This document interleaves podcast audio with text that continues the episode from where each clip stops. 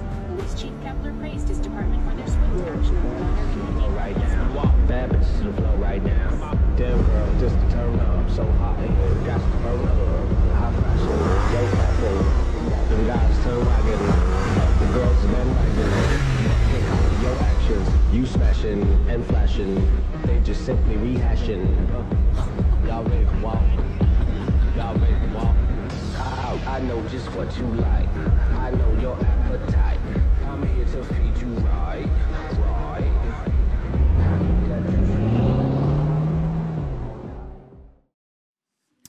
Ja, vandaag is de laatste keer in deze serie over trots. En ehm, misschien ben je de afgelopen twee keer geweest, anders staan de afgelopen twee keer ook nog op internet als je het wil terugkijken. Ehm, we hebben het over trots, zei ik al, en niet trots in de positieve zin. eh, trots op je kinderen of trots op iets wat je hebt gedaan. Gepaste trots noemen we dat ook wel. Maar eigenlijk over iets heel naars dat we in potentie allemaal bij ons dragen. Dat na zo'n gebeurtenis die we net in dat film, filmpje zagen ook zou kunnen opkomen. Dat je trots zo gekrenkt is. Dat de jongen nu hele rare dingen ging doen met die auto om toch nog weer opnieuw indruk te maken op zijn vriendin. Dat soort trots hebben we het over. Iets dat ons ook ontdoet van het vermogen om ons te verbinden met anderen. Iets dat ook een negatief effect heeft op relaties die we al hebben, terwijl relaties zo ontzettend belangrijk voor ons zijn. Vandaar ook de titel Kap ermee. Probeer dat achterwege te laten en vandaar ook dat we daarover nadenken hoe dat in elkaar zit. Trots, zo zei ik de afgelopen weken ook al, is denk ik niet zozeer een em- emotie, maar meer een mechanisme dat door verschillende emoties kan worden gevoed. En dat ervoor zorgt dat je soms dingen niet doet die je wel zou moeten doen. En dingen wel doet die je beter niet zou kunnen doen. Zeker niet in het licht van relaties. Voor de laatste keer hier ook nog de definitie van trots. Trots wordt gekenmerkt door een sterk gevoel van zelfrespect, waarbij geen plaats is voor vernedering. Sterk gevoel van zelfrespect, waarbij geen plaats is voor vernedering. Komt die vernedering wel, dan kunnen er soms hele rare dingen gebeuren. Trots maakt bijvoorbeeld je capaciteit kleiner, capaciteit kleiner om toe te geven, of om je excuses aan te bieden, of je tekortkomingen te onderkennen, te, eh, te onderkennen of wat dan ook. En allemaal heeft het negatieve gevolgen. De eerste keer zaten we wat meer aan de kant van schaamte en eergevoel en angst als voedingsbodem voor trots. Want wat ik al zei, trots is meer een mechanisme dat door bepaalde emoties kan worden gevoed. Vorige week zaten we wat meer aan de kant van hoogmoed, arrogantie en zelfs narcisme, blinde eigenliefde, wat als voedingsbodem kan werken voor trots en waardoor je relaties, maar ook jezelf eigenlijk te gronden kunt richten. En deze week kijken we wat meer naar jaloezie en het verlangen om gekend te worden als voedingsbodem voor trots. Ja, iedereen heeft het verlangen om gekend te worden. En wat betekent dat dan? Dat is het verlangen om door één of meerdere personen gezien en gewaardeerd te worden om wie je bent, om wat je bent, om wat je kunt of om wat je hebt. Met veel dingen die we doen, iedere dag opnieuw, daar zijn we vanmorgen alweer eh, mee begonnen. Want iedere dag doen we dingen waarmee we een bepaald publiek in gedachten hebben. Ehm, een publiek waar we graag door gezien willen worden, waar we graag door gewaardeerd willen worden. Als we ons morgens aankleden, is het niet alleen maar belangrijk dat je iets aandoet wat je zelf mooi vindt of wat je functioneel vindt. We doen zelfs soms een heleboel dingen aan die helemaal niet functioneel zijn, maar die we wel belangrijk vinden, want we hebben dan op dat moment ook mensen, eigenlijk publiek in gedachten, die ons straks gaat zien daarin en een bepaald oordeel daar mogelijk over heeft. Dus we kijken niet alleen maar naar functionaliteit, maar sommigen meer en sommigen minder. Sommigen interesseert het helemaal niks en hebben dat weer op andere terreinen. Maar voor sommigen, die staan voor de spiegel, die kleden zich 25 keer om omdat ze een bepaald publiek in gedachten hebben waar ze op een bepaalde manier op over willen komen. Steeds wel vragen we ons, soms heel bewust en soms heel onbewust af, of we straks als het ware applaus krijgen voor dat wat we aan hebben, of voor dat wat we doen, of voor dat wat we zeggen, uh, of dat we afkeuring zullen tegemoet kunnen zien. En dat doen we op heel veel plaatsen. Eigenlijk alle plaatsen waar we, waar we zijn. Dat doen we thuis, vaak iets op mindere mate, maar zeker op ons werk. Misschien wel in de kerk, op school, op je werk, had ik al gezegd. Thuis, op de sportclub, overal hebben we een bepaald publiek en daar houden we rekening mee. Soms één persoon, soms meerdere personen die we in gedachten hebben, waardoor we graag zo positief mogelijk beoordeeld willen worden. Nogmaals, om wie we zijn, om wat we zijn, om wat we kunnen en om wat we hebben. Het is net als op Facebook bijvoorbeeld. Voordat je iets post, denk je toch na over je publiek, over je vriendenlijst. Hoe kijken zij aan tegen dat wat ik post? Kan ik iets posten wat positief um, eigenlijk binnenkomt? Wat op een positieve manier gezien wordt, waardoor ik uh, bevriend raak. Hè? Want je wil namelijk bevriend zijn, je wil gevolgd worden, je wil geliked worden en je wil gedeeld worden. En daar hou je rekening mee als je iets post. Raar woord is dat, hè, geliked. Ja, ik hoor iemand zeggen, maar dat moet, dat moet toch met een D? Hmm. Nou, weet je hoe het zit? Het is een Engels woord hè, wat je in het Nederlands gebruikt. En uh, het komt van liken. Dat is het werkwoord, haal je een N eraf. Dan moet er eigenlijk daar een D achter staan. Of eigenlijk een T dan, hè? een T, kofschip. Hè? Dan staat er gelikt. Dat is niet handig natuurlijk. Je wil niet gelikt worden. Je wil geluid worden. Dus om dat op te lossen, zeggen we in het Nederlands, laten we het E staan. Dan zou er eigenlijk een D moeten staan, maar omdat die E niet echt functie heeft, geldt niet de E, maar de K. En de K is in het kofschip, dus komt er een T achter. Ja. Het schoot me zo te binnen.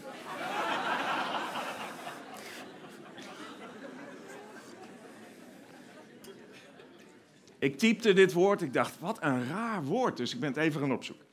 Goed.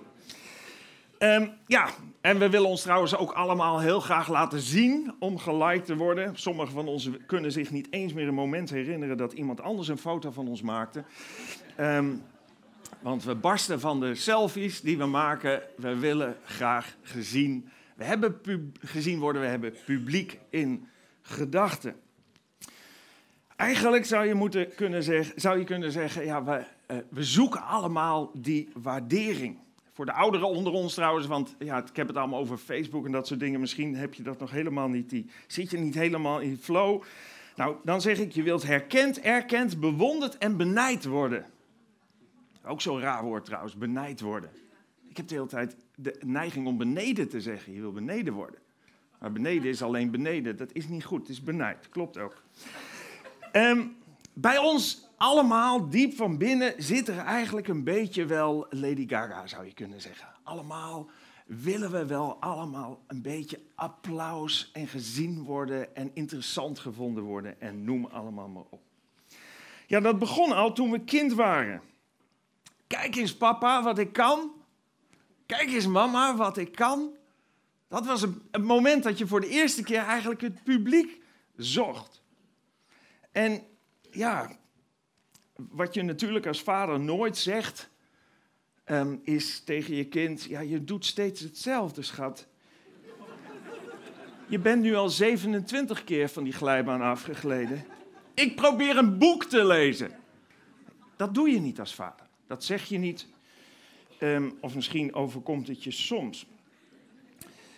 We zoeken, ook als we jong zijn, we zoeken publiek. En, ja, en zeker als kind, en dat blijft een hele tijd, is je vader wel degene, sorry moeders, je vader de belangrijkste om je te bevestigen. Je krijgt eigenlijk, en dat is goed, voor vaders om je dat te, her, om, om je dat te bedenken, Je kind krijgt nooit voldoende bevestiging van je. Denk nooit dat het te veel is. Vooral de bevestiging waarbij een kind zich geliefd voelt. Niet in eerste instantie om wat het kind doet, maar om wie hij is. Ja, nu zijn we volwassen en nu zoeken we eigenlijk nog steeds applaus. Nu niet meer uh, van onze ouders misschien, sommigen wel, maar nu van onze man of vrouw, of van onze baas, of van de regisseur van de toneelvereniging, of van je leraar, of soms van onze kinderen, of van publiek, daadwerkelijk als je voor publiek staat. En dat gaat dan helemaal niet, eigenlijk niet om de grootte van de groep of het aantal mensen, maar soms om heel specifieke personen die voor jou belangrijk zijn geworden. Die zelfs wel op een ongezonde manier belangrijk voor je kunnen zijn geworden. Maar daar gaan we het nu verder niet over hebben. Ik sta regelmatig hier voor een grote groep. Maar om eerlijk te zijn, wat jullie bijvoorbeeld van mijn kleding vinden, ja, dat, ja, je mag er best iets van vinden, maar daar heb ik niet zo heel veel last van als je het niet zo mooi vindt bijvoorbeeld. Maar als Ellen dat niet mooi vindt, mijn vrouw, voor degenen die dat niet weten, dan vind ik dat wel lastig. En daarom ga ik natuurlijk ook altijd kleding kopen met Ellen, om niet thuis te komen van, wat heb je nou gekocht? En zelfs, ik had dit, uh, dit colbertje gekocht laatst met Ellen samen en we hadden daar wat t-shirts onder gekocht. Dus niet een overhemd, maar een t-shirt. En Ellen twijfelde en ik twijfelde ook. Dus dan ga ik bij een van mijn dochters langs. En, uh, en bij de meest directe. En die was ook heel direct. En um, ik weet niet meer precies wat ze zei, maar zoiets van 30 jaar te laat of zo. Zoiets in, iets in je geest. Ik heb ze teruggebracht. Ja, um, maar dat is belangrijk. Je hebt zo niet alleen controlepersonen, want het is eigenlijk heel normaal om dingen te toetsen bij mensen die je vertrouwt en, um, en waarvan je weet dat ze eerlijke feedback geven. Er was dus een, een pianist die had een, een, een concert gegeven. En, um, en een solo concert. En nou, echt heel, het was heel goed gegaan. Um, want ja, er was heel veel applaus. Alleen er was één man op de eerste rij die bleef zitten en die applaudisseerde niet. Ja, verder iedereen een daverende staande ovatie, noem maar ovatie, dus geen probleem. En op een gegeven moment komt er iemand achter in zijn kleedkamer en, en merken dat hij echt heel down is en helemaal niet vrolijk is of zo. En zei ze, maar, waarom ben je eigenlijk niet vrolijk? Hij zegt, er was, er was één op de voorste rij, misschien heb je het wel gezien, die applaudisseerde niet. Ja, maar wat kan jou dat nou schelen? De hele, hele zaal applaudisseerde. Iedereen was enthousiast. Wat kan jou die ene Norse man nou schelen? Hij zegt hij, dat was mijn pianoleraar.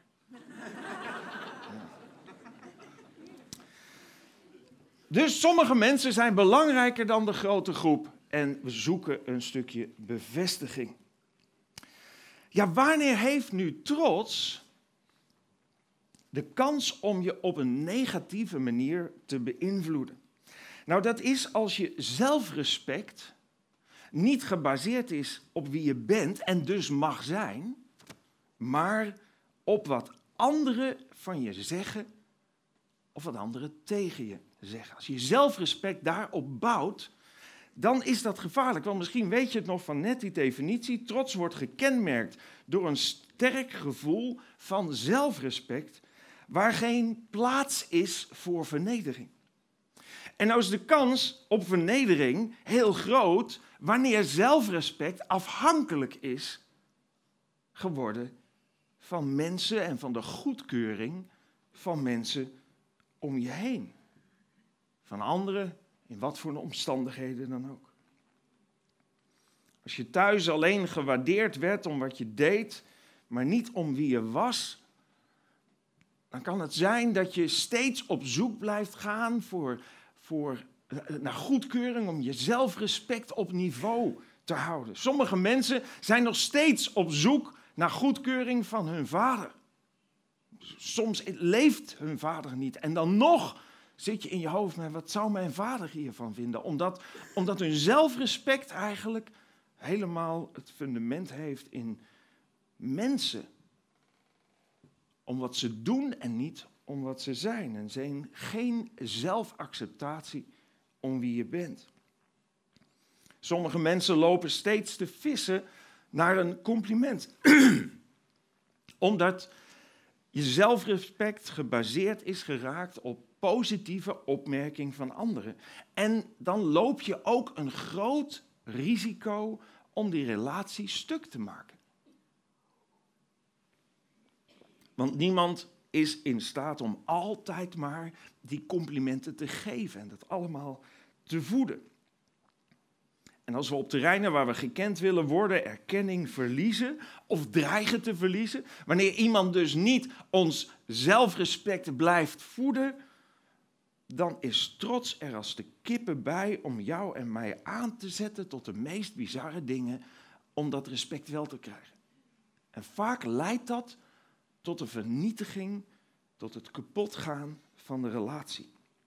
Dan grijpt trots naar de afstandsbediening van je leven, zoals we in de eerste dienst hebben gezien, en wil je dingen laten doen die slecht zijn voor de relatie, want je bent gekrenkt in je zelfrespect. Je bent gekrenkt en dat doet iets met je trots. Trots heeft de mogelijkheid om je potentie, dus dat wat je wel kunt en dat wat je wel bent, en je prioriteiten, dus dat wat positief zou zijn voor relaties, volledig te ondermijnen. Er is iemand in de Bijbel die als het gaat om het dealen met trots een groot voorbeeld is. Voor mij althans, en dat zou het voor jou ook kunnen zijn, of je nou gelooft of niet gelooft, of je iets hebt met, met God of de Bijbel, nog steeds zou deze persoon een inspiratie kunnen zijn.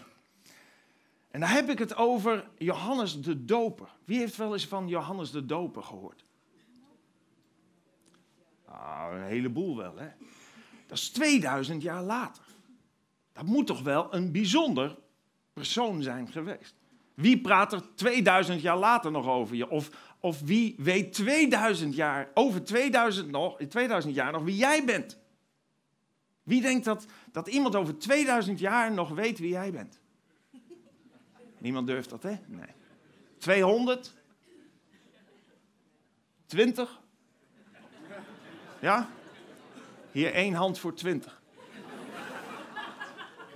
Twee jaar? Ja, iets. 2000 jaar later en we hebben het nog over. Wat lezen we over hem in de Bijbel? Dit. Johannes de Doper leefde in de woestijn en vertelde de mensen dat zij zich moesten laten dopen. Als een openbaar getuigenis van hun besluit om de zonde de rug toe te keren, zodat God hen kon vergeven. Dus in de tijd dat Jezus op aarde was, maar nog geen bediening was gestart, hij was als het ware nog niet ehm, naar buiten gekomen in de zin van dit ben ik en deze persoon, dit kom ik doen en dit kom ik vertellen. Het was een periode waarin het volk Israël behoorlijk ver van God vandaan was. En deze persoon, Johannes de Doper, verkondigde dat en zei: Jongens, jullie zijn zo ver bij God vandaan. En daar doe je alleen jezelf maar geweld mee aan. En het is ook niet tot eer van God. Dus kom bij hem terug, beleid je zonde. En als teken van het feit dat je dat wilt doen, en dat gebruik, gebruiken we hier ook nog steeds, als teken van het feit laat je je dopen. Als een ritueel, als een symbool van reiniging, van afwassing van zonde en van een nieuwe start. Waarin je zegt, ik wil God gehoorzaam zijn. En we lezen verder, heel Judea liep uit. En ook alle inwoners van Jeruzalem kwamen naar hem toe. Ze lieten zich door hem dopen in de rivier de Jordaan en ze kwamen openlijk uit voor hun zonde. Het was in die tijd natuurlijk ja, een heel bekend persoon.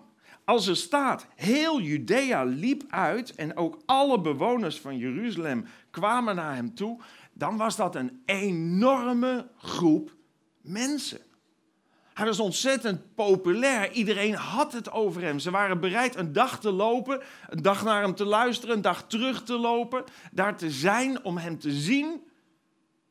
Enorm groot publiek wat naar hem toe kwam, kwam wat naar hem luisterde en hem waardeerde.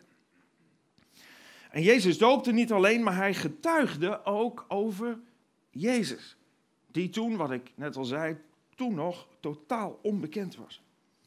We lezen Johannes getuigde van hem, dat is Jezus, en roept, Hij is het van wie ik zei, hij die na mij komt is belangrijker dan ik, want hij was er voordat ik werd geboren. Als je denkt dat mijn toespraken ingewikkeld zijn. Hij was er al voordat ik werd geboren, zei Johannes. En hij duidde op Jezus en dat was toen voor de mensen die luisterden onbekend. Wat bedoelt hij daar nou precies bij? Maar hoe het ook zij, hij kondigde Jezus aan en ja, eigenlijk zou je kunnen zeggen, hij had niet echt last van trots of ook niet echt last van, ja, ik, ik ga iemand laten zien of iemand aankondigen die belangrijk is. Je zou kunnen zeggen, ja, moet je dat wel doen? Moet je niet de focus vasthouden? Moet je niet zelf in het centrum blijven staan? Het was duidelijk dat hij geen last had van trots. En dan lezen we verder, de Joodse leiders stuurden priesters en tempeldienaars naar Johannes om te vragen wie hij was. Want niet alleen kenden ze Jezus nog niet, maar ze hadden geen idee hoe het nou kwam dat hij zoveel mensen trok en wie hij nou precies was. Ik ben de Christus niet, vertelde hij hun. Dat was niet de vraag. Ze vroegen wie hij wel was. Maar ze hadden ook, hij had ook wel het idee waar ze mee in hun hoofd liepen.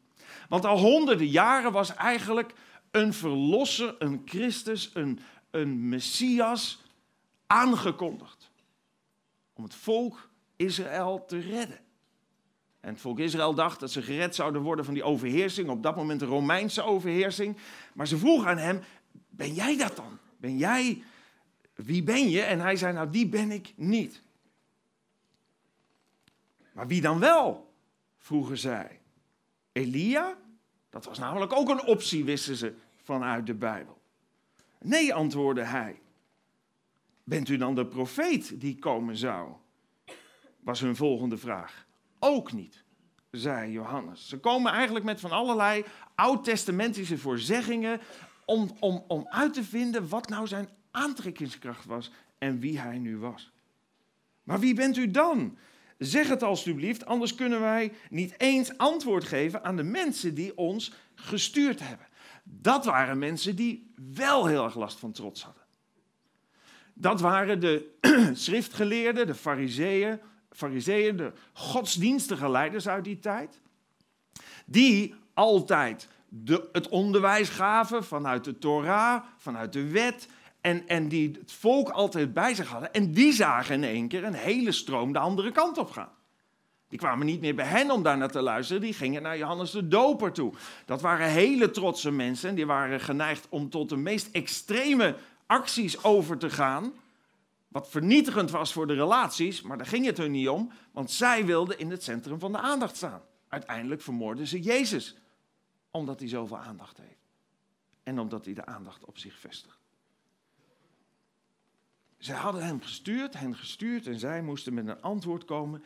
Want op grond daarvan konden ze misschien actie ondernemen om, om de aandacht weer op zichzelf te vestigen. Alle ogen zijn op Johannes de Doper gericht, alle aandacht gaat al lang naar hem uit. En dan lezen we, hij zei, ik ben iemand die in de woestijn roept, maak de weg vrij voor de Heer. Oftewel, ik ben niets meer dan een richtingwijzer. Ik ben niets meer dan een voorprogramma voor de hoofdact. Het gaat helemaal niet om mij, het gaat om Jezus. Ik heb al deze bekendheid gekregen om Hem bekend te maken.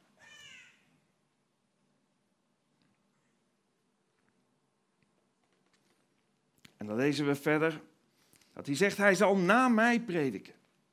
Hij is zo belangrijk dat ik het zelfs niet waard ben om zijn schoenen vast te maken. Trots, zou je kunnen zeggen, had bij Johannes de Doper geen schijn van kans. Hij verdedigde niet zijn positie. Hij had zijn, zijn, ehm, zijn eigen waarde niet gebaseerd op mensen of op de hoeveelheid mensen die kwamen of wat ze over hem zeiden. Hij had zijn eigen waarde gebaseerd op op God als fundament in zijn leven. En dat herken je ook als je verder leest. Lees de volgende morgen zag hij Jezus aankomen. Kijk, riep hij.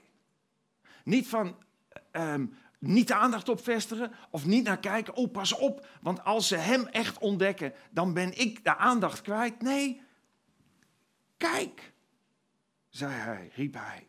Het offerlam van God. Hij neemt de schuld van de wereld op zich. De volgende morgen weer dus, weer een dag later, was Johannes op dezelfde plaats met twee van zijn discipelen. Hij zag Jezus voorbij gaan en zei: Kijk. Weer niet op zichzelf gericht, niet het, het publiek vasthouden voor zijn eigen eer, niet zijn, zijn zelfrespect ontlenen aan het publiek. Hij wees op de ander. Kijk, hij is het offerlam van God. Hij is degene die uiteindelijk gedood zal worden voor de zonde van de mensen. Hij zal gedood worden om ieder mens opnieuw met God in verbinding te kunnen brengen. En wat gebeurde er toen?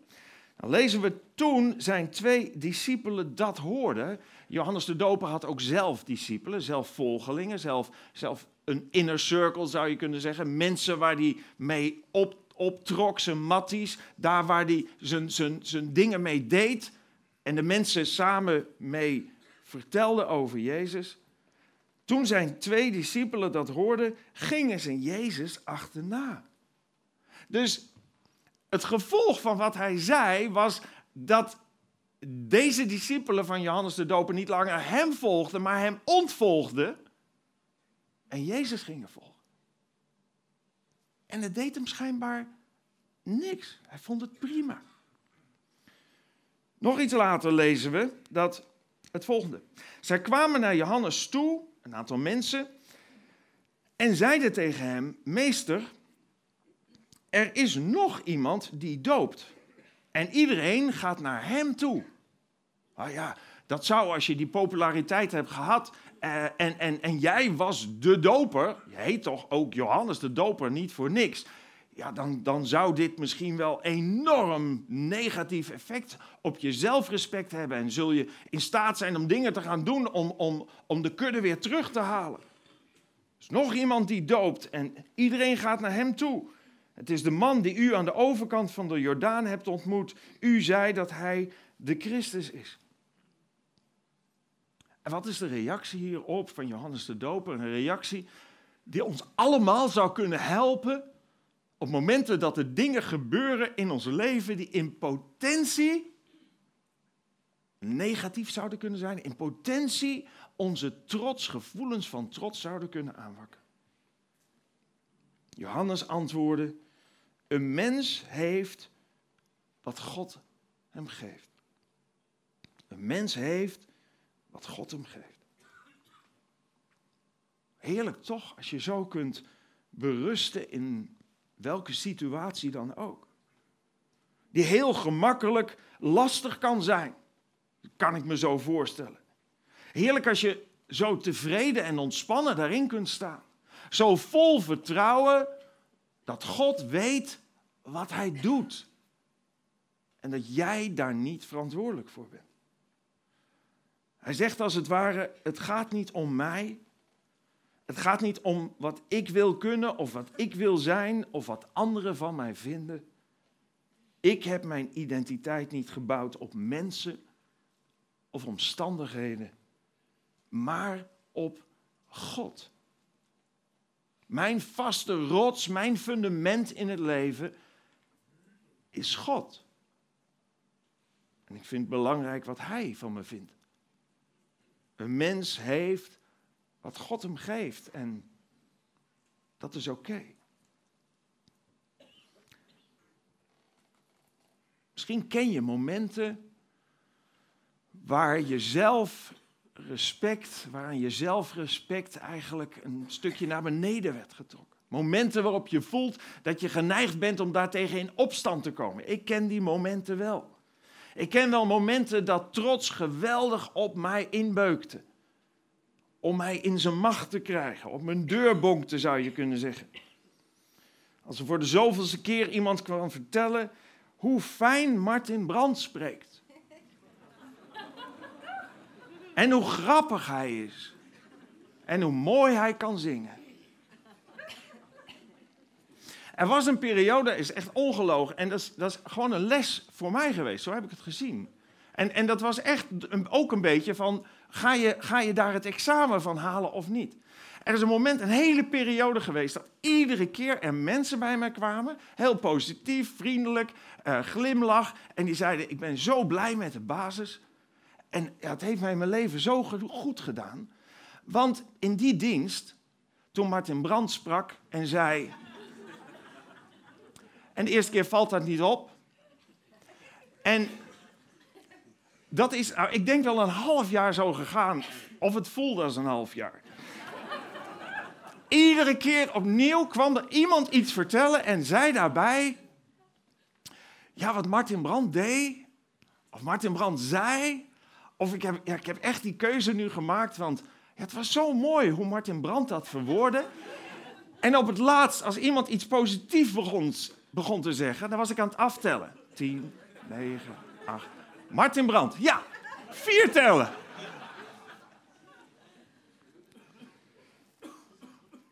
In zo'n situatie kan trots heel gemakkelijk de macht overnemen.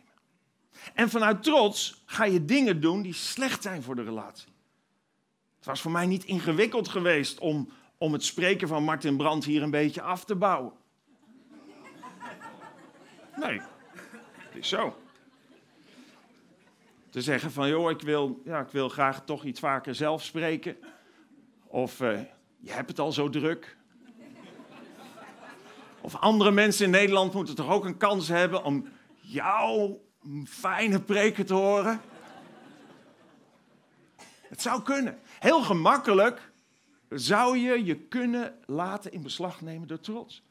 Door te zeggen, hé, hey, ehm, als Martin Brand spreekt is het veel drukker dan wanneer ik je spreek. Of weer zegt iemand dat. En dat heb ik echt gemerkt, is een stukje beproeving waar trots wil proberen je relatie te vernietigen.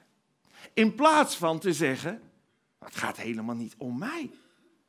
De basis gaat niet om mij. Dat, dat ik tien jaar geleden hiermee ben gestart, was niet dat ik zou schijnen op het podium, dat mijn ster zou reizen, maar dat de ster van Jezus zou reizen. Daar gaat het om.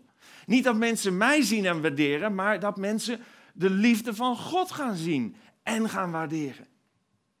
En als Martin daar een fantastische bijdrage aan levert, en dat doet hij, dan is dat alleen maar fantastisch. En of ik daar nou een stapje voor terug moet doen, of we lopen gelijk op, of wat dan ook, dan moet je niet laten verleiden door trots, die eigenlijk jou centraal wil stellen en jouw zelfrespect vooraan wil laten staan. Zelfrespect wat niet gebaseerd is op wat God je vraagt te doen, maar zelfrespect wat gebaseerd is op het applaus van anderen. Johannes de Doper zegt: Jullie hebben me steeds horen zeggen dat ik niet de Christus ben, maar dat God mij voor hem uitgestuurd heeft. Hij moet groter worden en ik steeds kleiner. Johannes de Doper had heel goed in de gaten wat het doel was. Waar de focus op moest liggen. Niet op een mens, niet op hem, niet op een persoon, maar op het feit dat God zichtbaar wordt. Op het feit dat de Heer Jezus Christus zichtbaar zou worden als redder en verlosser in deze wereld. Die voor iedereen, die voor jou en mij gekomen is. Trots had geen enkele grip op hem, want zijn eigen waarde was verankerd in de relatie met God. En er is ook maar één manier, ben ik van overtuigd, waarop trots geen schijn van kans heeft in ons leven. En dat is wanneer je je zelfrespect baseert op de onvoorwaardelijke liefde die alleen God je geven kan. En die alleen door datgene wat Jezus Christus op deze wereld kwam doen, tot je kan komen. Als je zelfrespect gebaseerd is op mensen en middelen, dan ben je heel kwetsbaar en zul je ook gekwetst worden. Want mensen kwetsen je en, en materialen en geld en middelen ontvallen je. Maar God stelt nooit teleur. Hij houdt onvoorwaardelijk van je. Jezus zegt, daar wil ik mee afsluiten, tegen ons allemaal. Kom naar mij toe. Alle die vermoeid en belast zijn. En ik zal u rust geven. Weet je waarom we soms zo vermoeid en belast zijn? Omdat we steeds maar weer moeten waken over dat zelfrespect.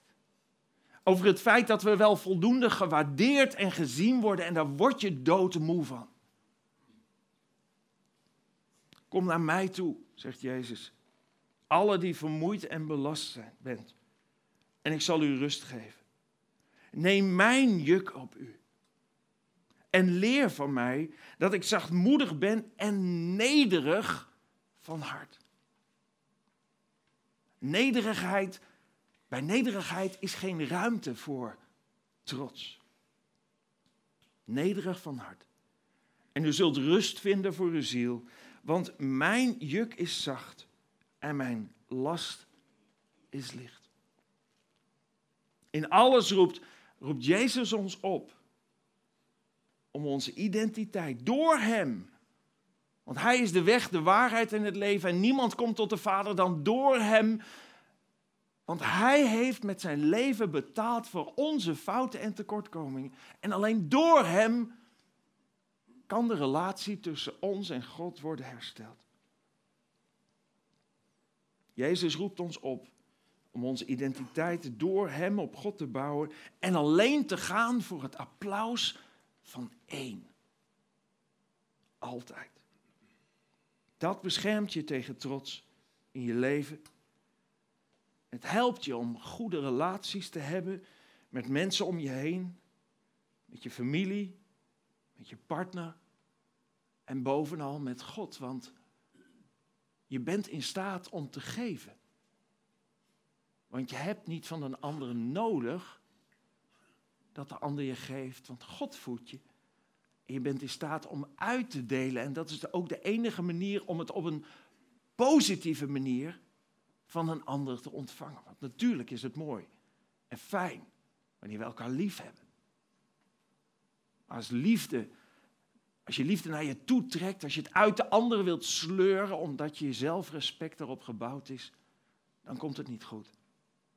Als de liefde door de ander wordt gegeven, omdat ook die ander zijn zelfrespect op God heeft gebouwd, dan is het oprechte, goddelijke liefde die je ervaart.